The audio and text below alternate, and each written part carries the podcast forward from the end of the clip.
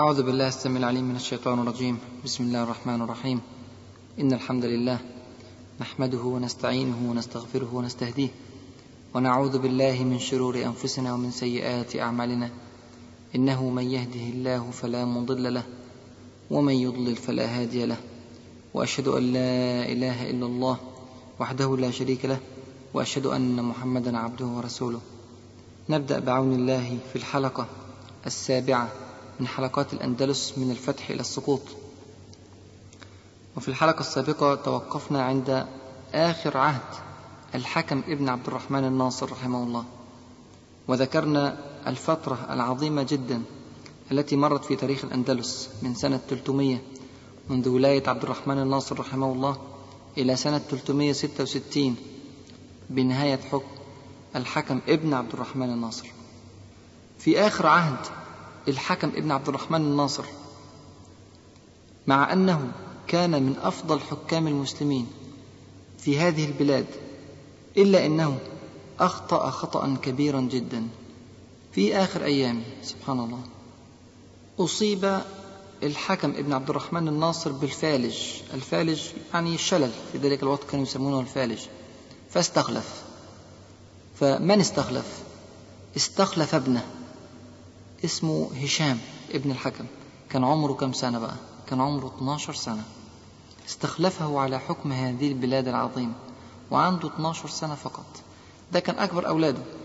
فاستخلفه على حكم الأندلس ومن فوقها بلاد النصارى في الشمال ومن تحتها بلاد الدولة الفاطمية. وكل ممالك أوروبا تتشوق إلى هزيمة هذه البلاد وإلى الكيد لها. لكنه استخلف طفلا صغيرا لم يبلغ من العمر إلا اثني عشر عاما فقط. طبعا هذه زلة خطيرة جدا من الحكم ابن عبد الرحمن الناصر وكان عليه أن ينتقي في من استخلفه.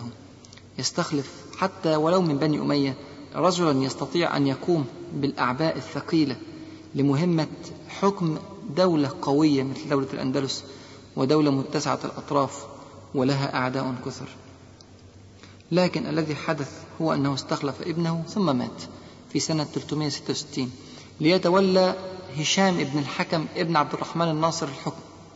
طبعا هو طفل صغير لا يستطيع أن يحكم البلاد ولذلك جعل عليه مجلس وصاية. فمجلس الوصاية هذا كان مكون من ثلاثة. الأول الحاجب جعفر ابن عثمان المصحفي. الحاجب يعني رئيس الوزراء. فهذا كان أحد الأوصياء على هشام ابن الحكم. الثاني كان قائد الشرطة محمد ابن أبي عامر. وقائد الشرطة بمعناها يعني دلوقتي زي وزير الداخلية كده. فهذا كان الثاني. ومحمد بن أبي عامر كان من اليمن ليس من بني أمية. أما الوصي الثالث فكان امرأة. كانت أم هشام بن الحكم وكان اسمها صبح. فثلاثة أوصياء على الخليفة الصغير هشام ابن الحكم. طبعا إحنا عندنا بنقول أنه المركب اللي فيها رئيسين بتغرق.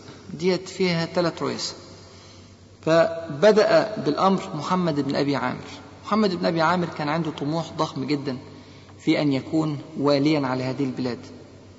طيب أول شيء يعمله يحاول يتخلص من الأوصياء الذين معه على هشام ابن الحكم. فدبر مكيدة وفيها سجن الحاجب جعفر ابن عثمان ثم قتله بعد ذلك. هذا محمد بن أبي عامر الذي تجرأ على سجن رجل وعلى قتله مكيدة له. هذا الرجل سبحان الله علامة كبيرة جدا من علامات الاستفهام في التاريخ الإسلامي.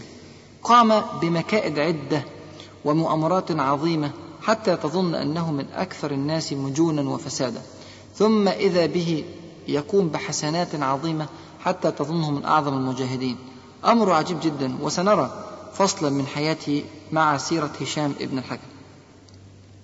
طيب أول حاجة عملها أن هو قتل الحاجب جعفر بن عثمان المصحفي فتخلص من واحد. أما الثانية فكانت يعني ضعيفة بالنسبة لقائد الشرطة فلم تؤثر عليه في شيء فتركها في قصرها لكنه تقلد هو الأمور وحده وبدأ يحكم في بلاد الأندلس باسم الخليفة الصغير هشام ابن الحكم. طيب يريد أن يقوي منصبه أكثر من ذلك. أول شيء بعد هذا الأمر تزوج من ابنة غالب ابن عبد الرحمن. مين غالب بن عبد الرحمن؟ هذا كان أمير الجيش. وبذلك حيد جانب أمير الجيش وضمن ولاء الجيش الأندلسي له. ولما انتبه له غالب بن عبد الرحمن وعلم نواياه وعلم خطته وأفصح له عن ذلك دبر له محمد بن أبي عامر مكيدة أخرى ثم قتله. ده مين ده اللي بيقتله؟ ده حماه فاولا قتل الحاجب جعفر بن عثمان المصافي ثم قتل حماه لأنه اكتشف نواياه وكان حماه ده أمير الجيش. ثم بعد ذلك استدعى جعفر بن علي بن حمدون. جعفر بن علي هذا كان قائد الجيش الأندلسي في المغرب. إحنا عارفين المغرب ضمت إلى بلاد الأندلس في عهد الحكم. ابن عبد الرحمن الناصر فاستدعاه إليه وقربه إليه واستفاد من قوته ثم بعد ذلك دبر له مكيدة أخرى ثم قتله. وبذلك تملك من كل الأمور.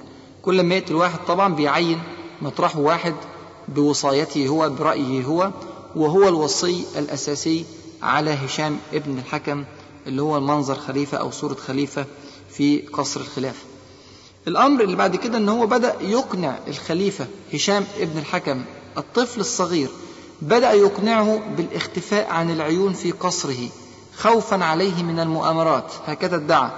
وقال إن الخلفاء يجب أن يتفرغوا للعبادة ويتركوا أمور الناس لرئاسة الوزراء أو لقوة الشرطة أو ما إلى ذلك فقام هو بإدارة كل شيء وربي هشام بن الحكم الطفل الصغير على ترك الأمور لمحمد بن أبي عامر. ومرت السنوات ومحمد بن أبي عامر بيتولى كل شيء في بلاد الأندلس.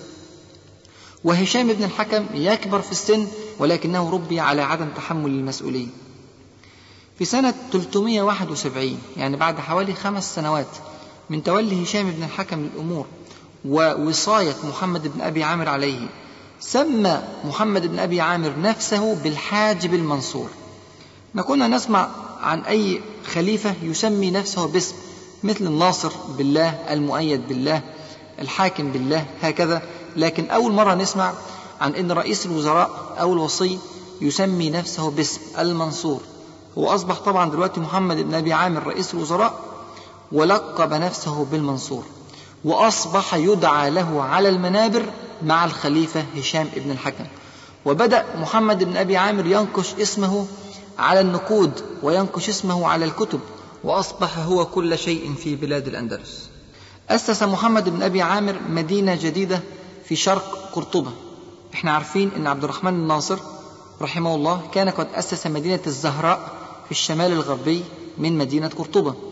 محمد بن أبي عامر أسس مدينة أخرى في شرق قرطبة وسماها مدينة الزاهرة أو مدينة العامرية وبدأ ينقل إليها دواوين الحكم وينقل إليها الوزارات. وأنشأ له قصرا كبيرا هناك وبدأ يجمل كثيرا في هذه المدينة حتى أصبحت مدينة الزاهرة أو مدينة العامرية هي المدينة الأساسية في الأندلس وبها قصر الحكم وبها كل شيء. في عام 381 محمد بن أبي عامر بيعمل حاجة عمرها ما اتعملت قبل كده في تاريخ المسلمين أنه يعهد بالحجابة لابنه من بعده. يعني رئيس وزراء بيستخلف رئيس وزراء من بعده لما يموت. يبقى برضه هشام بن الحكم هو الخليفة لكن لما يموت رئيس الوزراء يخلفه ابنه رئيس الوزراء. طبعا كان معروف إن الخليفة بيستخلف خليفة من وراه لكن أول مرة نشوف إن رئيس وزراء بيستخلف رئيس وزراء. فاستخلف ابنه عبد الملك ابن المنصور على الحجابة من بعده. في عام 386 سمى نفسه الملك الكريم وذلك تمهيدا لإقامة ملك على أنقاض بني أمية. كل ده طبعا وهشام بن الحكم بيكبر في السن لكن ليس له من الأمر شيء. كل شيء أصبح في إيدين محمد بن أبي عامر. بدأ العامريون يكثرون في أماكن الحكم في بلاد الأندلس وبدأ يكون ما يسمى في التاريخ بالدولة العامرية. الدولة العامرية هذه فترة حقبة من الزمان بتبتدي من سنة 366 منذ أن تولى محمد بن أبي عامر الوصاية على هشام بن الحكم. وتنتهي في سنة 399 يعني 33 سنة. لكن هذه الفترة هي فترة الدولة العامرية تعتبر داخلة في فترة الخلافة الأموية لأن اللي في الصورة حاكم وصورة الخليفة هو هشام ابن الحكم ابن عبد الرحمن الناصر. محمد ابن أبي عامر عمل حاجة تانية أدت إلى انقسامات في بلاد الأندلس هو أنه كان يخشى أن يستعين بالقبائل المضرية وبقبائل بني أمية معه في الجيش وفي الأمور فبدأ يعظم من أمر البربر. نعرفين أن محمد بن أبي عامر من قبيلة يمنية. اليمنيون ليسوا بكثرة في داخل الأراضي الأندلسية. لذلك فكر يستعين بعنصر آخر غير عنصر المضرية حتى يضمن له الولاء من قبلهم. فبدأ يستعين بالبربر وأيضا رفع من شأنهم بشدة وقوى من أمرهم. فدي كانت قصة محمد بن أبي عامر. اتولى الحكم من سنة 366 هو بنفسه إلى سنة 392 إلى أن مات. ده كان الجانب اللي إحنا طبعا بنأخذه على محمد بن أبي عامر. مكائد ومؤامرات وقتل. يعني في بداية عصره قتل على الأقل ثلاثة حتى يصل إلى الحكم ودبر لهم مكائد ومؤامرات. يعني لا لم تكن آه، معهودة في عهد الخلافة الأموية السابق. لكن مع كل هذه الأمور إلا أنه كانت له جوانب مضيئة في حياته جعلت جميع المؤرخين يتعجبون جدا من سيرته. أولا كان محمد بن أبي عامر مجاهدا من الطراز الأول. كان مجاهدا عجيبا. غزا في حياته أربعة وخمسين غزوة. لم يهزم في واحد. وصل في فتوحاته الحاجب المنصور أو محمد بن أبي عامر. وصل في فتوحاته إلى أماكن لم يصل إليها أحد من قبل في بلاد النصارى في مملكة ليون. حتى أماكن لم يصل إليها الفاتحون الأوائل. لم يصل إليها موسى بن نصير ولا طارق بن زياد. وصل إلى أماكن في الصخرة هذه المنطقة التي لم تفتح من قبل المسلمين من قبل. فاستطاع أن يغزو النصارى في عمق دارهم ووصل لخليج بسكي والمحيط الأطلسي في الشمال. كان له الحاجب المنصور في كل عام مرتين يقاتل في سبيل الله. وعرفت هذه المرات بالصوائف والشواتي. إحنا كنا متعودين قبل كده على الصوائف فقط لكن هذا جعل الجهاد مرتين في كل عام. مرة في الصيف ومرة في الشتاء أو مرة في الربيع ومرة آه، في الخريف. مما يذكر عنه أنه سير جيشا كاملا لإنقاذ ثلاث من نساء المسلمين أسيرات عند مملكة نافار. ذلك أنه كان بينه وبين مملكة نافار عهد وكانوا يدفعون له الجزية. وكان من ضمن هذه العهود ألا يأسروا أحدا من المسلمين أو يستبقوهم في بلادهم. فذات مرة ذهب رسول من رسل محمد بن أبي عامر الحاجب المنصور إلى مملكة نافار. وهناك أقاموا له جولة بعد أن أدى الرسالة إلى ملك نافار. ففي أثناء هذه الجولة وجد ثلاثا من نساء المسلمين في كنيسة من الكنائس فتعجب لوجودهن. فلما سألهن عن ذلك قلنا نحن أسيرات في هذا المكان. فغضب الرسول غضبا شديدا وعاد إلى الحاجب المنصور وأبلغه بذلك. فما كان منه إلا أن سير جيشا كاملا لإنقاذ هؤلاء النسوة. فلما ذهب الجيش إلى بلاد نافار استغرب جدا ملك نافار وقال نحن لا نعلم آه، لماذا جئتم وقد كان بيننا وبينكم معاهدة على ألا نتقاتل ونحن ندفع الجزية؟ قالوا عندكم مخالفة. عندكم أسيرات مسلمات فقالوا لا نعلم بهن. فذهب الرسول إلى الكنيسة وأخرج النساء فقال ملك نافار إن هؤلاء النسوة لا نعرف بهن. وقد أسرهن جندي من الجنود وقد تم عقاب هذا الجندي وأرسل رسالة إلى الحاجب المنصور يعتذر فيها اعتذارا كبيرا فعاد الحاجب المنصور ومعه الثلاث نساء. طبعا عزة كبيرة جدا. لجيش المسلمين ولدولة المسلمين أن يسير قائد المسلمين جيشا كبيرا جرارا لمجرد إنقاذ ثلاث من نساء المسلمين. يذكر عنه أيضا أنه مرة عبر مضيقا في الشمال بين جبلين وهو في طريقه لفتح بلاد النصارى. فنصب له النصارى كمينا كبيرا وتركوه حتى دخل بكل جيشه ثم قطعوا عليه طريق العودة. فلما رجع الحاجب المنصور ووجد المضيق مغلقا بالجنود عاد مرة أخرى إلى الشمال واحتل مدينة من مدن النصارى في الشمال وأخرج أهلها وعسكر فيها ووزع ديارها على جنده وتحصن فيها وعاش فيها فترة واتخذها مركزا له وأخذ يرسل منها السرايا إلى أطراف ممالك النصارى ويأخذ الغنائم ويقتل المقاتلين من الرجال ثم يأتي بهؤلاء المقاتلين ويرمي بجثثهم على المضيق الذي احتله النصارى ومنعوه من العودة منه فضج الناس من النصارى وذهبوا إلى قوادهم وقالوا يعني لا نجد لنا حلا في هذا الرجل. نرجو أن تفتحوا له الباب حتى يعود إلى بلاده مرة ثانية. فعرضوا عليه أن يخلوا بينه وبين طريق العودة فرفض. وقال يعني أنا باجي لكم هنا مرة في الصيف ومرة في الشتاء. المرة دي سأمكث.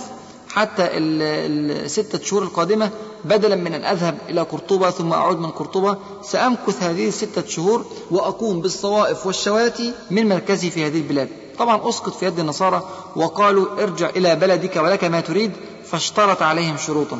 الشرط الأول أن يفتحوا المضيق ولا يبقوا فيه نصرانيا واحدا. قالوا هذا لك يعني إحنا أصلا كنا بنطلب منك أن نفتح لك الطريق. قال الأمر الثاني أن ترفعوا جثثكم التي ألقيناها من أمام المضيق فبدأوا يرفعون جثث الجنود الذين قتلوا أمام المضيق وأبعدوها عن المضيق فقالوا وما غير ذلك فقال الأمر الثالث أن تحملوا لي الغنائم جميعا من هنا إلى قرطبة. فأسقط في أيديهم وفعلوا ذلك وحملوا الغنائم التي حصلها من بلادهم من بلاد ليون في الشمال حتى أوصلوها في الجنوب آه، إلى قرطبة. كان له في جهاده عادة غريبة جدا. كان من عادته أن ينفض ثيابه بعد كل موقعة ويرفع ما خرج منها من غبار ويضعه في قارورة ويجمعه معه. ثم أمر في نهاية حياته أن تدفن هذه القارورة معه حتى تشهد له يوم القيامة بجهاده ضد النصارى. وذلك متشبثا بحديث رسول الله صلى الله عليه وسلم لا يجتمع على عبد غبار في سبيل الله ودخان جهنم. هذا حديث رواه الترمذي وهو حديث حسن صحيح. ومع كل هذه الحروب ومع كل هذا الجهاد ومع أنه غزا 54 غزوة لم يهزم في واحدة منها إلا أن سمت الحروب للحاجب المنصور لم يكن سمتا إسلاميا مثل سمت الحروب في عهد عبد الرحمن الناصر أو الحكم ابن عبد الرحمن الناصر. فكان الحاجب المنصور يخترق بلاد النصارى ويصل إلى العمق ويقتل منهم ويعود محملا بالغنائم لكن لم يكن من همه أبدا أن يضم هذه البلاد إلى بلاد المسلمين أو أن يعلم أهل الإسلام أو أن ينشر الدعوة في هذه البلاد. فبقي الحال كما هو عليه بل إن النصارى يعني ازدادت في قلوبهم الحمية لدينهم والحقد على آه، المسلمين. ده كان جانب من جوانب حياة محمد بن أبي عامر الجانب آه، الجهادي أو الجانب العسكري من حياته. هو أيضا اهتم بالجانب المادي والحضاري في البلاد فأسس كما ذكرنا مدينة الزاهرة على أحدث الطراز وزاد جدا في مساحة مسجد قرطبة حتى أضاف إليه ضعف مساحته الأصلية. وكان يضيف هذه المساحات الزائدة على مسجد قرطبة بعد أن يشتري من كل ساكن حول المسجد بيته بالمبلغ الذي يرتضيه هذا الساكن حتى أنه يذكر أنه هناك سيدة كانت تسكن وحيدة حول المسجد وكان في بيتها نخلة فأبت أن تبيع البيت إلا لما يأتي لها الحاجب المنصور بمنزل فيه نخلة كالتي في بيتها.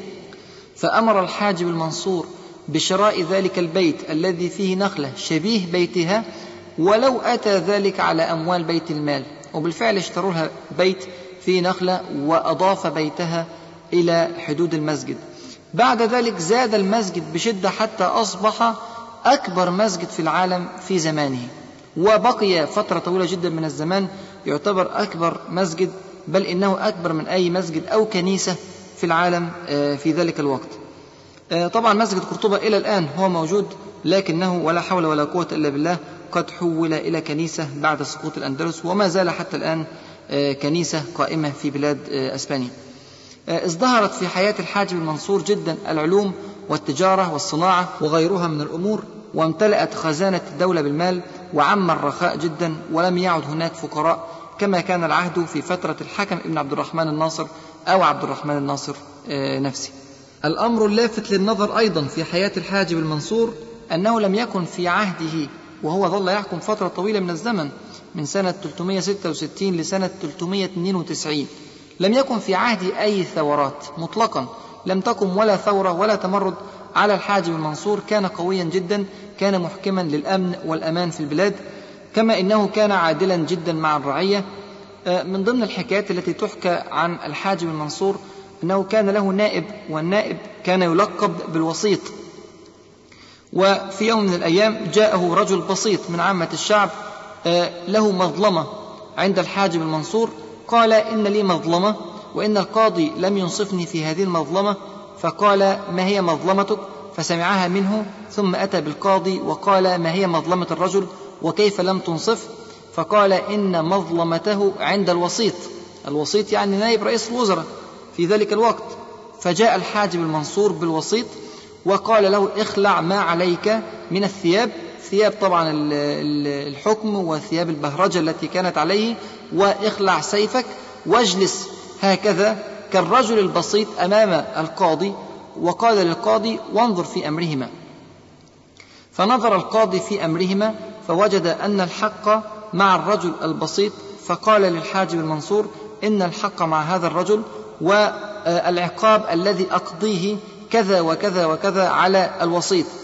فقام الحاجب المنصور بإنفاذ مظلمة الرجل له ثم قام للوسيط فأقام عليه أضعاف الحد. فقال القاضي يا سيدي إنني لم آمر بكل هذه العقوبة. فقال الحاجب المنصور إنه ما فعل ذلك إلا تقربا منا ولذلك زدنا عليه الحد ليعلم أن قربه منا لن يمكنه من ظلم الرعية. ظل الحاجب المنصور يحكم من وراء الستار من سنة 366 إلى سنة 392 ثم مات في هذه السنة وكما ذكرنا استخلف على الحجابة ابنه عبد الملك ابن المنصور فتولى الحجابة من سنة 392 لسنة 399 سبع سنوات متصلة. وكان كأبيه في حياة الجهاد كان يجاهد في كل عام مرة أو مرتين في بلاد آه، النصارى. وظل الوضع كما هو عليه عبد الملك بن المنصور يحكم من وراء الستار وهشام ابن الحكم كان عند بداية ولاية عبد الملك بن المنصور يبلغ من العمر ثمانية وثلاثين عاما ومع ذلك لم يطلب الحكم ولم يحاول أن ينفذ أموره في بلاد الأندلس فقد تعود على حياة الدعة واستماع الأوامر من الحاجب المنصور ومن تلاه من أولاده. طبعا فين أيام عبد الرحمن الداخل وفين أيام عبد الرحمن الناصر اللي كان كل واحد فيهم يعني 25 سنة أو 22 سنة وكان يدير الأمة كأحسن ما تدار لكن هذا الرجل تولى الحكم وهو عنده 12 سنة وربي كما ذكرنا على هذا الأسلوب. في سنة 399 بيموت عبد الملك ابن المنصور في حملة من الحملات في الشمال ويتولى أخوه عبد الرحمن ابن المنصور الحجاب فكعادة هذه الفترة بدأت الدولة العامرية أو أولاد بني عامر بدأوا يسيطرون على الأمور. فبعد وفاة عبد الملك المنصور تولى عبد الرحمن بن المنصور الحجابة وأيضا أخذ يدير الأمور من وراء الستار لكن عبد الرحمن بن المنصور كان مختلفا عن أبيه وعن أخيه. كان عبد الرحمن بن المنصور هذا شابا ماجنا فاسقا شاربا للخمر مكثرا من الزنا وكان يعني بيفعل من المنكرات الكثير وكان الشعب يكرهه بشدة بالإضافة إلى أن أم عبد الرحمن المنصور كانت بنت ملك نافار وكانت نصرانية وكان الشعب يكره أيضا لهذه الدماء النصرانية أنه يتولى عليهم الحكم في بلد يعني غالب آه، السكان فيها من المسلمين. عبد الرحمن بن المنصور يقوم بشيء أشد من ذلك أيضا على الناس فقام عبد الرحمن بن المنصور بإقناع الخليفة هشام بن الحكم بأن يجعله وليا للعهد من بعده. طبعا إحنا كنا شايفين العامريين سواء محمد بن أبي عامر أو عبد الملك ابن المنصور كان يحكمان من وراء الستار ولم يطلبا خلافة معلنة. لكن عبد الرحمن بن المنصور هنا يطلب من هشام بن الحكم أن يكون وليا للعهد من بعده. بمعنى أنه لو مات هشام بن الحكم سيصبح خليفة المسلمين في هذه البلاد هو عبد الرحمن بن المنصور. طبعا ضج بنو أمية لهذا الأمر وغضبوا وغضب الناس أجمعون لكن لم تكن لهم قدرة على عبد الرحمن بن المنصور وقد جعل جميع الولايات في يد العامريين وفي يد البربر الذين هم أتباع للعامريين منذ أيام الحاجب المنصور. ومع كل هذا الفسق والمجون الذي كان فيه عبد الرحمن بن المنصور إلا أن الشعب كان قد تعود على أمور الجهاد والخروج كل عام إلى بلاد النصارى. فخرج عبد الرحمن بن المنصور ذلك الفاسق على رأس جيش من الجيوش ليحارب في الشمال. فانتهز الناس فرصة وبدأوا يحاولون أن يغيروا من الأمر فذهبوا إلى هشام بن الحكم في قصره وخلعوه بالقوة وعينوا رجلا آخر من بني أمية اسمه محمد ابن هشام ابن عبد الجبار ابن عبد الرحمن الناصر. يعني هذا من أحفاد عبد الرحمن الناصر هو رجل آخر من بني أمية عينوه على هذا المكان ودبروا مكيدة لعبد الرحمن بن المنصور وقتلوه فيها وانتهى بذلك العهد الذي يسمى في التاريخ بعهد الدولة العامرية. منذ مقتل عبد الرحمن بن المنصور وبعد ذلك ولسنوات طويلة انفرط العقد تماما في بلاد الأندلس. سبحان الله إحنا كنا لسه بنتكلم منذ يعني قليل أو سنوات قليلة على قوة ومجد وعز وسلطان بلاد الأندلس. وكيف كانت بلاد النصارى في الشمال تدفع الجزية للمسلمين وكيف كانت السفارات تأتي من كل بلاد العالم تطلب ود عبد الرحمن الناصر وتطلب ود ابنه الحكم ابن عبد الرحمن الناصر. ومع ذلك سبحان الله انفرط العقد تماما. وبدأت البلاد تقسم وبدأت الثورات تكثر وبدأت المكائد تتوالى ويعني إحنا شفنا أمور عجيبة جدا بتحدث في بلاد الأندلس. طبعا لابد لنا من وقفة مع هذا الحدث. يعني يا ترى ولاية عبد الرحمن بن المنصور كما ذكر بعض الأساتذة في التاريخ أن يعني عبد الرحمن بن المنصور هذا كان رجلا ماجنا فاسقا فأساء للإسلام والمسلمين وبسببه سقطت الخلافة الأموية وبسببه سقطت الدولة العمرية وبسببه حدثت الهزة الكبيرة في بلاد الأندلس. الواقع يا إخوة أنه بدراسة الموقف ليس من سنن الله سبحانه وتعالى أن تهلك الأمم لمجرد ولاية رجل فاسق لفترة شهور معدودات. عبد الرحمن بن منصور لم يمكث في الحكم إلا شهور لم يكمل عاما واحدا. فمهما كان من الفاسقين ومهما كان من الظالمين لا يمكن أبدا أن تسقط البلاد هذا السقوط السريع وتفشل هذا الفشل الذريع إلا إذا كانت هناك بذور كبيرة جدا للضعف نمت من قبل وبدأت تتزايد مع مرور الزمان. هكذا لما حللنا عهد الإمارة الأموية ورأينا كيف ضعفت الإمارة بعد عهد القوة وجدنا أن هناك كانت بذور للضعف في عهد قوة الإمارة الأموية. هكذا الآن أيضا تعالوا نحلل الموقف ونرى أين كانت بذور الضعف في عهد الخلافة الأموية. أين كانت البذور التي كانت سببا في هلاك الدولة الأموية أو هلاك الخلافة الأموية بعد سنوات وسنوات من نمو هذه البذور في حياة الأمويين في بلاد الأندلس؟ نذكر أن السبب الأول لهذا الأمر بدأ منذ أيام عبد الرحمن الناصر ذاته. سبحان الله. هذا الرجل الخليفة القوي الذي أقام ملكا لم يتكرر مثله في التاريخ كثيرا بدأت بعض بذور الضعف تنشأ في عهده. وهذه البذور أولها هي الترف الشديد والبذخ الشديد وكثرة إنفاق الأموال في زخرفة الدنيا. وقد علم أن الدنيا مهلكة وانشغال الناس لكثرة الأموال بتوافه الأمور. أديكم مثل على شيء حدث في عهد عبد الرحمن الناصر رحمه الله. عبد الرحمن الناصر أنشأ قصر الزهراء كما ذكرنا. وقصر الزهراء هذا كان قصر عظيم جدا يعني أصبح أعجوبة من أعاجيب الزمان في ذلك الوقت.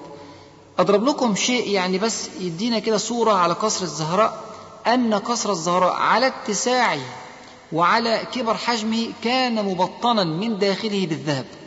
بل وكان السقف لهذا القصر مبطنا أيضا بخليط من الذهب والفضة بأشكال تخطف الأبصار وتبهر الناس. يعني أشياء طبعا كان فيها تجاوز خطير جدا. هذه أيضا أموال الدولة وطبعا كان بيصرف على كل شيء.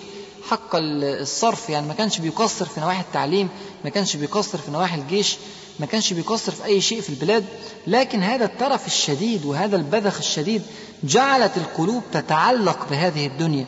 نذكر أنه القاضي المنذر بن سعيد رحمه الله دخل عليه على عبد الرحمن الناصر في قصره لما بناه بهذه الفخامة وبهذا الترف الشديد. دخل عليه فقال له عبد الرحمن الناصر ما تقول يا منذر في هذا؟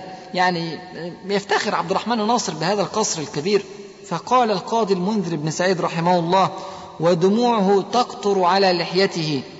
ما ظننت الشيطان يبلغ منك؟ هذا المبلغ مع ما آتاك الله من النعمة وفضلك به على كثير من عباده تفضيلا حتى ينزلك منازل الكافرين.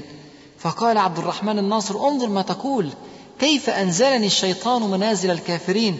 قال أليس الله تعالى يقول في كتابه الكريم ولولا أن يكون الناس أمة واحدة لجعلنا لمن يكفر بالرحمن لبيوتهم سقفا من فضة ومعارج عليها يظهرون؟ هذا السقف من فضة. والله سبحانه وتعالى في آياته يذكره على سبيل التعجيز ولولا أن يكون الناس أمة واحدة لجعلنا لمن يكفر بالرحمن لبيوتهم سقفا من فضة. لجعلنا هذا الأمر لكن لم نجعله. لكن عبد الرحمن الناصر فعله وجعل بيته أو قصره سقفه من فضة. فوجم عبد الرحمن الناصر وسقطت عليه الكلمات كالصخر. ثم بدأت دموعه تنسال رحمه الله. ثم قام ونقض السقف وأزال الذهب والفضة وبنى السقف كما كانت تبنى السقوف في ذلك الزمن. لكن سبحان الله مع مرور الوقت يعود من جديد ويبرز مظهر من مظاهر الترف وهكذا لكثرة الأموال. يعني زي ما إحنا بنقول كده يعني عنده فلوس مش عارف يعمل بها إيه. يعني بدأت الأموال تكتر لدرجة إن هو خلاص بقى بينفق في أشياء لا ينفق فيها. الإسراف هذا والترف هذا مهلك. يقول الله سبحانه وتعالى في كتابه الكريم وإذا أردنا أن نهلك قرية أمرنا مترفيها ففسقوا فيها فحق عليها القول فدمرناها تدميرا. سبحان الله وكأن الآية أنزلت في هذا الزمن.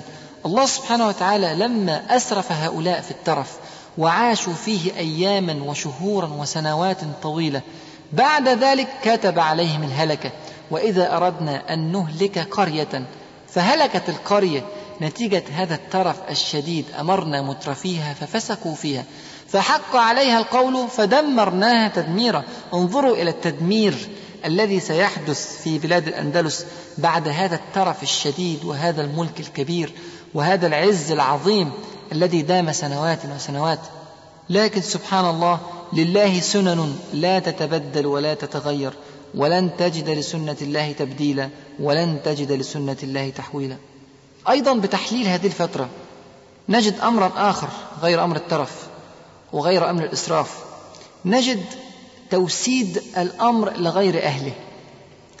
انظر إلى ما فعله الحكم ابن عبد الرحمن الناصر. انظر إلى حياته الطويلة في الجهاد والعلم ونشر الدين في البلاد. ثم هو قبل أن يموت يوسد الأمر لغير أهله. يكل الأمور إلى طفل لم يبلغ إلا اثنتي عشرة سنة من عمره فيتحكم فيه الأوصياء وتحدث المكائد والمؤامرات. وانظر إلى كلام رسول الله صلى الله عليه وسلم لما أجاب الرجل الذي سأل عن أمارات الساعة فقال صلى الله عليه وسلم أن تضيع الأمانة. فقال الرجل وكيف إضاعتها؟ قال إذا وسد الأمر لغير أهله فانتظر الساعة. هكذا. إذا تولى من لا يستحق منصبا من المناصب حدثت الهزة في البلاد وحدث الانهيار فما بالك لو كان هذا المنصب منصب الخليفة؟ أذكر أنه ذكرت حادثة في الجرائد عن الإمساك برجل جاسوس للأمريكان عند الروس. رجل روسي جاسوس للأمريكان في بلاد الروس. فلما سألوه ماذا كنت تفعل؟ للأمريكان قال ما كنت أفعل شيئا إلا أنه إذا عرض علي خمسة من الرجال لمنصب من المناصب أختار أسوأهم. هذا الرجل كان له منصب كبير في في الحكومة الروسية. فمع مرور الزمان كل شوية يختار واحد سيء كل شوية يختار واحد سيء فضيع الأمر وضيعت الأمانة وبالتالي سقطت البلاد بعد ذلك أو أحد العوامل التي أسقطت البلاد بعد ذلك. فتوسيد الأمر لغير أهله علامة من علامات ضياع الأمم. هكذا تعلمنا من سيرة الأندلس في هذا الموقف. الأمر أيضا الثالث المثير للانتباه أن الفترة العامرية اعتمدت فيها الدولة في جهادها على القوة المادية من جند وعدد ومال ومعمار ولم يصرفوا نواياهم إلى رب العالمين سبحانه وتعالى ولم يجددوا تربية الشعب على الجهاد في سبيله سبحانه وتعالى وعلى طلب الجنة والموت في سبيل الله.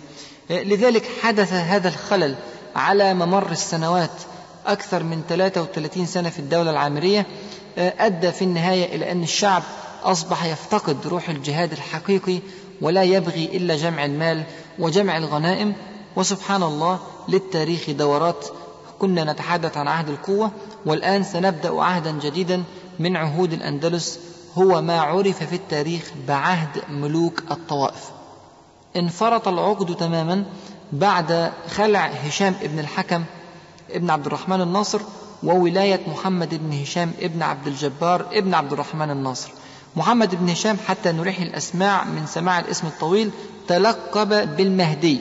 فلما نقول المهدي نعرف أنه هو الرجل الذي وضعه الشعب في مكان هشام ابن الحكم. المهدي هذا مع أن اسمه المهدي يعني لكن كان فتى لا يدرك الأمور. ولا قيادة الأمور وليس له في الإدارة من شيء. أول حاجة عملها إيه تفتكروا؟ أول ما تولى الحكم. أول حاجة ألقى آه، القبض على كثير من العامريين وقتلهم. شو هو؟ كان العامريين بيحكموا البلد من وراء هشام بن الحكم فبدأ يقتل في العامريين في منتهى الرعونة. الأمر الثاني بدأ ينتقم أيضا من البربر. البربر هم كانوا العون الرئيسي لمحمد بن أبي عامر ولمن خلفه من أولاده في ولاية الحكم في بلاد الأندلس فبدأ يقتل أيضا في البربر ويقيم عليهم الأحكام حبسا وتشريدا. فطبعا أثار غضب البربر وأثار غضب العامريين بل وأثار غضب الأمويين أنفسهم. لأن طبعا بني أمية الموجودين في أرض الأندلس ما كانوا يبتغون أبدا هذا القتل الشديد وهذه الرعونة في التصرف فبدأ يحدث سخط كبير جدا من الجميع من كل الطوائف على المهدي. البربر ما سكتوش جمعوا أنفسهم وانطلقوا إلى الشمال وهناك أتوا برجل اسمه سليمان ابن الحكم ابن عبد الرحمن الناصر يعني أخو هشام بن الحكم المخلوع لم يخلع إلا منذ شهور قليلة. أتوا بسليمان ابن الحكم هذا ونصبوه عليهم وأسموه بخليفة المؤمنين وبدأ يحدث صراع بين سليمان بن الحكم ومن ورائه البربر وبين المهدي في قرطبة. لكن سليمان بن الحكم والبربر معه وجدوا أن قوتهم ضعيفة فعملوا شيء غريب جدا. أول مرة نشوف هذا الشيء في بلاد الأندلس.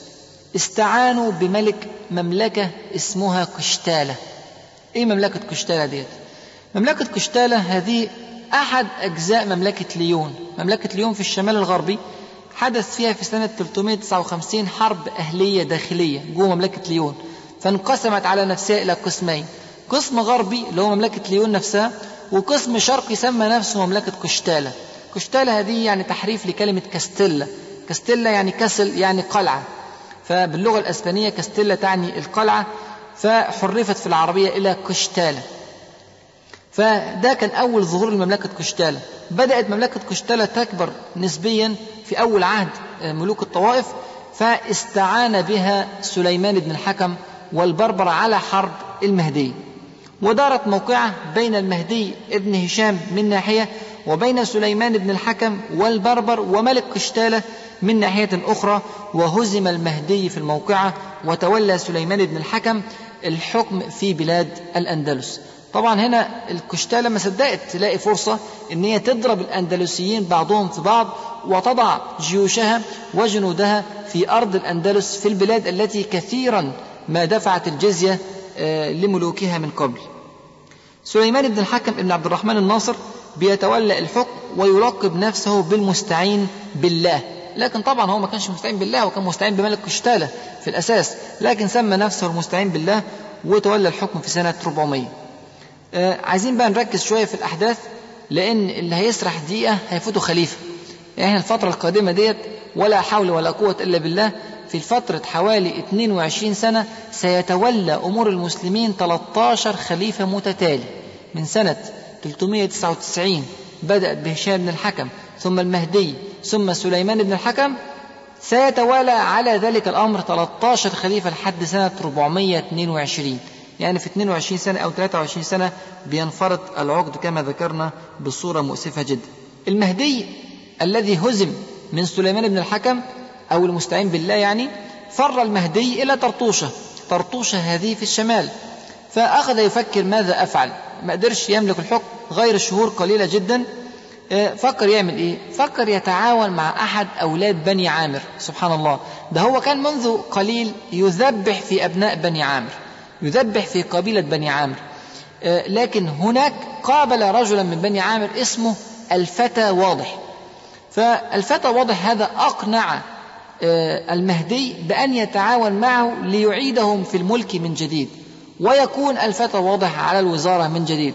فالمهدي مع أنه كان من قبل يقتل فيهم قبل من الفتى واضح عرضه وبدأ يتعاونان سويا للعودة لأخذ الحكم من جديد من سليمان بن الحكم. لكن الفتى واضح قال له إنه ليس لنا طاقة بسليمان بن الحكم مع البربر ومعه أيضا ملك كشتالة فماذا نفعل؟ ففكر الفتى واضح والمهدي في الاستعانة بأمير برشلونة.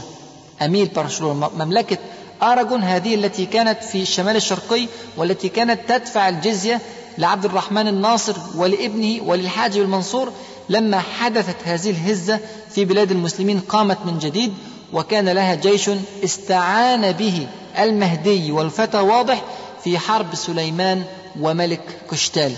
فوافق أمير برشلونة على أن يساعدهم في مقابل.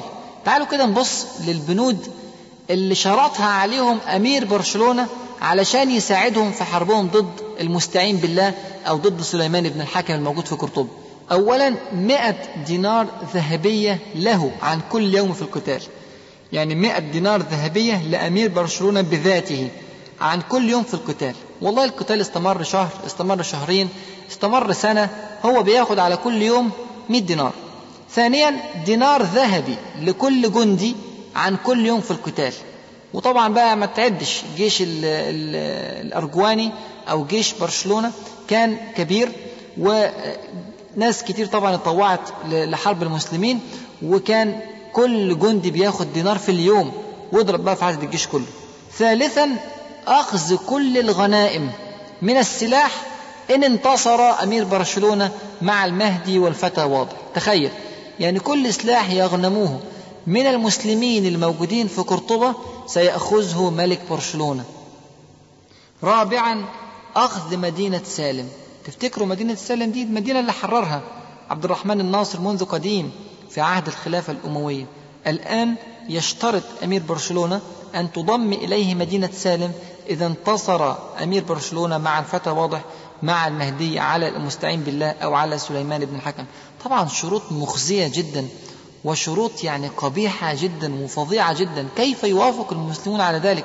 لكن الذي حدث أنه قد وفق على هذه الشروط والبنود وبدأت بالفعل موقعة كبيرة جدا في شمال قرطبة بين المهدي محمد بن هشام بن عبد الجبار ومعه الفتى واضح العامري وأمير برشلونة وبين سليمان بن الحكم الخليفة والملقب بالمستعين بالله ومعه البربر.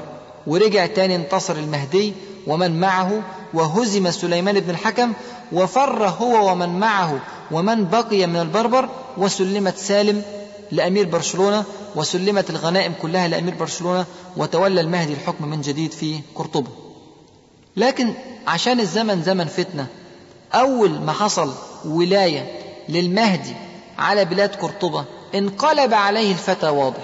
شوف قد إيه الأحداث متشابكة قد إيه الفتنة عظيمة جدا. طبعا المهدي يعني كان أحمق في أنه يتفق مع الفتى واضح. الفتى واضح هذا عامري ومنذ شهور بسيطة جدا كان المهدي يذبح في العامريين في كل مكان فكيف يأمن أن يعقد معاهدة مع الفتى واضح على أن يعاونه هذا في تملك الحكم في بلاد قرطبة؟ الفتى واضح انقلب على المهدي ثم قتل المهدي وبدأ هو يتولى الأمور. لكن الفتى واضح كان أذكى من عبد الرحمن بن المنصور هذا الذي طلب ولاية العهد من هشام بن الحكم قبل ذلك. رفض أن يكون هو في الصورة قال إن أصبحت أنا يعني خليفة البلاد سيحدث انقلاب من كل القبائل الموجودة والناس مش متعودة أن يكون الخليفة عامري. طيب قال أنا آتي بصورة للخليفة أضعها وأحكم أنا من ورائها.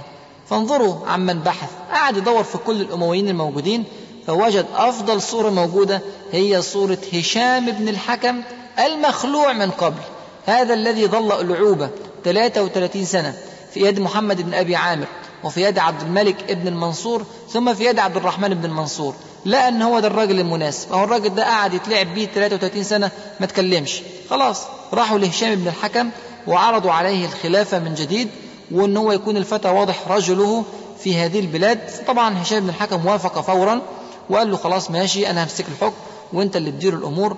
وعاد من جديد هشام بن الحكم الذي كان ملقبا بالمؤيد بالله عاد من جديد للحكم ومن ورائه الفتى واضح. لكن طبعا سليمان بن الحكم يعني برضه ما اتقتلش. هو برضه موجود في البلاد ويدبر المكائد ويريد أن يعود للحكم من جديد. ففكر مرة تانية أن يذهب لملك قشتالة يستعين به من جديد. هو اللي استعان به في الأول كان ملك قشتالة. فعاد له من جديد وعرض عليه من جديد أن يساعده. لكن ملك قشتالة ذلك الخبيث قال له إيه استنى شوية هرد عليك بعد كام يوم. طب عمل إيه بقى في الكام يوم دولت؟ ذهب ملك قشتالة إلى هشام ابن الحكم اللي هو الحاكم في ذلك الوقت. وقال له إن سليمان بن الحكم يريد أن أساعده في قتالك وفي حربك. طيب أنت إيه رأيك؟ فقال له وماذا تريد؟ قال ماذا تعطيني حتى لا أساعده؟ ماذا تعطيني حتى لا أساعده؟ أنا لا هشترك معاك ولا معاه بس أخذ منك إيه؟ وما ساعدش. سليمان بن الحكم في حربك فعرض عليه أمورا فاختار منها. تخيل بقى اختار إيه؟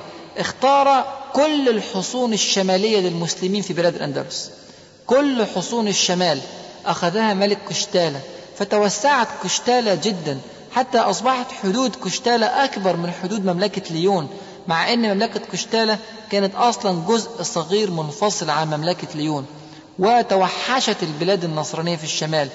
كارثة كبيرة جدا تحل على الأمة الإسلامية. كل هذه الأحداث حدثت في ثلاث سنوات فقط. يعني كل هذه الأحداث والصراعات والاستعانة بالنصارى ودخولهم في بلاد المسلمين والقتل والسلب والنهب كل هذه الأمور في ثلاث سنوات فقط. في سنة 403 سليمان بن الحكم ومن معه من البربر بيعملوا حاجة ما حدثت في تاريخ المسلمين من قبل حتى هذه اللحظة. بيعملوا إيه؟ بيهجموا على قرطبة فيعيثوا فيها فسادا قتلا واغتصابا للنساء.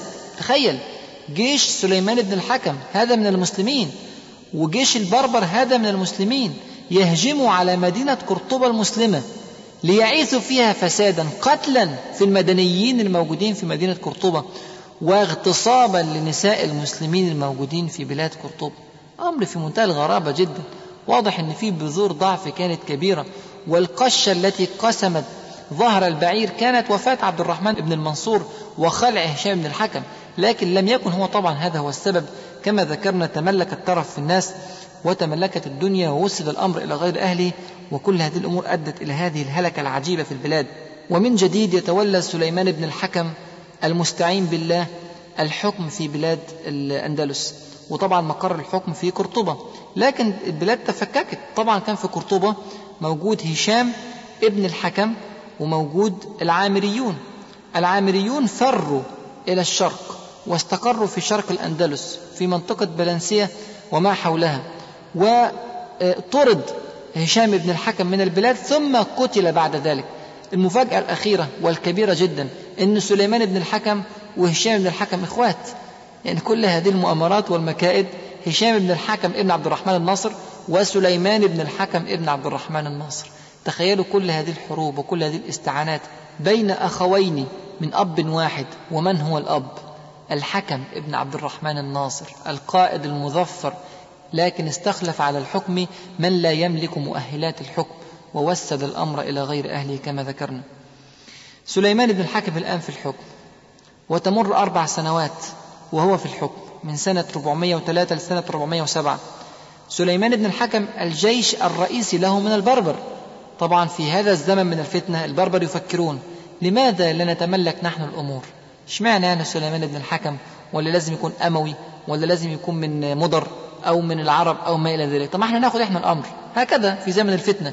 فأسرع البربر وكونوا قوة أساسية كبيرة واستعانوا بالبربر من بلاد المغرب وهجموا على سليمان بن الحكم وأخرجوه من الحكم بل وقتلوه وتولى خلافة المسلمين في الأندلس في هذه السنة في سنة 407 رجل من البربر اسمه علي ابن حمود الذي تسمى بالناصر بالله. استقر له الأمر علي بن حمود في قرطبة وعين أخاه القاسم ابن حمود على أشبيلية في سنة 407 إذا أصبح الخلفاء والذين يتملكون الأمور في قرطبة وما حولها هم البربر في ذلك الوقت في سنة 407 العامريون الذين فروا إلى شرق الأندلس لم يسكتوا بحثوا عن أموي آخر هو عبد الرحمن بن محمد بن عبد الله يعني إلى آخر السلسلة واحد من أحفاد عبد الرحمن الناصر. بايعوه على الخلافة وسمى نفسه المرتضي بالله.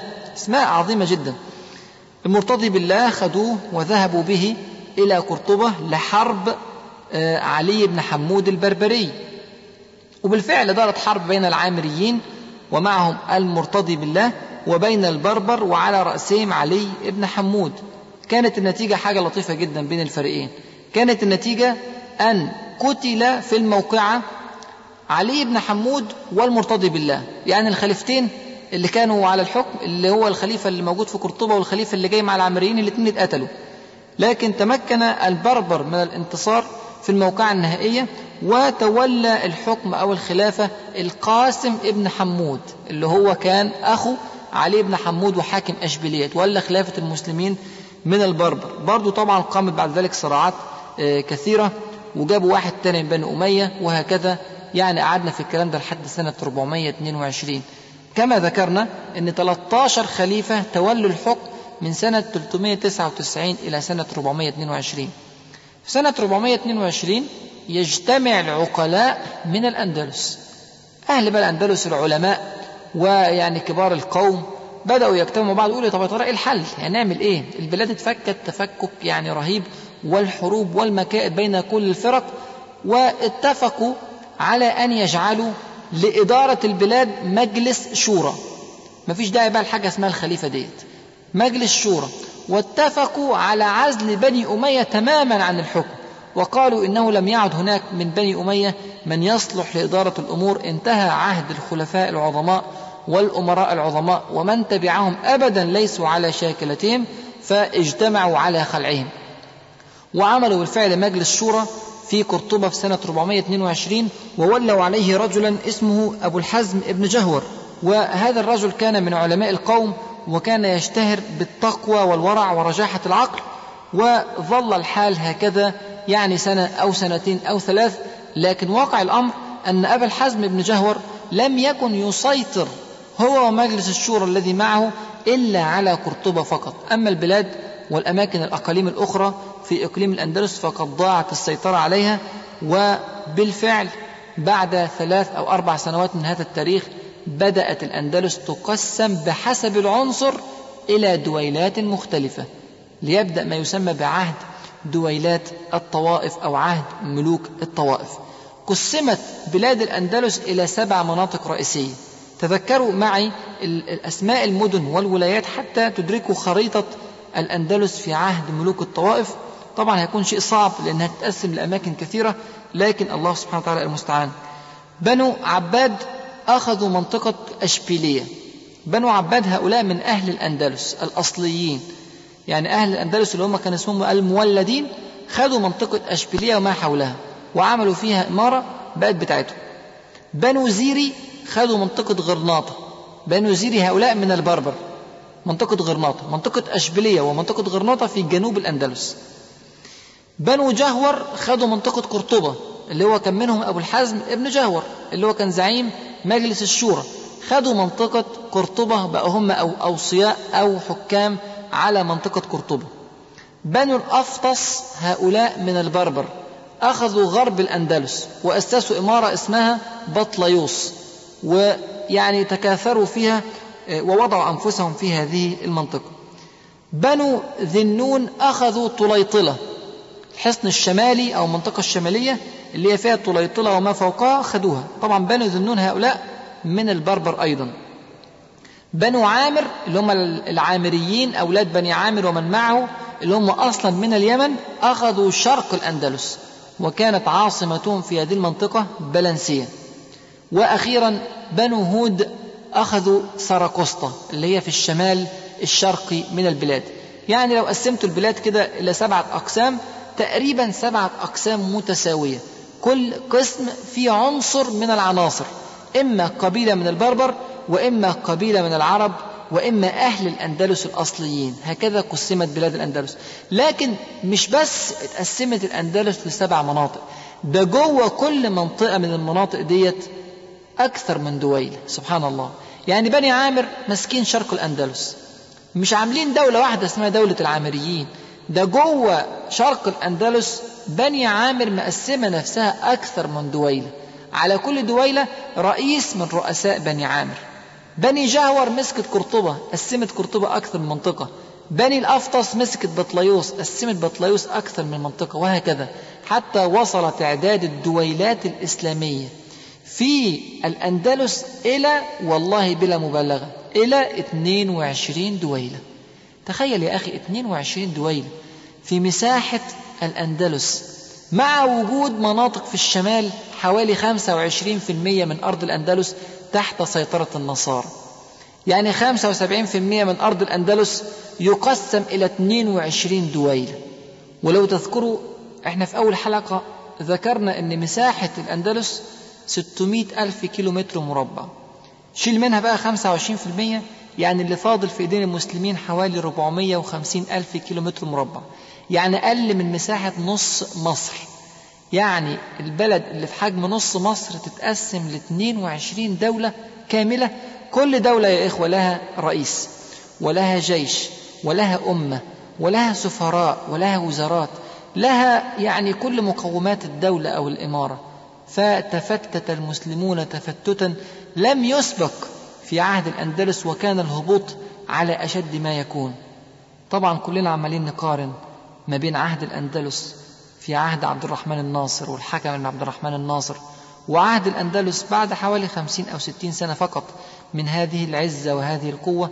وصلنا إلى هذه الحال بعد هذا التفرق والتشتت وفقدان عنصر من أهم عناصر القوة عند المسلمين وهو عنصر الوحدة. وسبحان الله ما أشبه اليوم بالبارحة.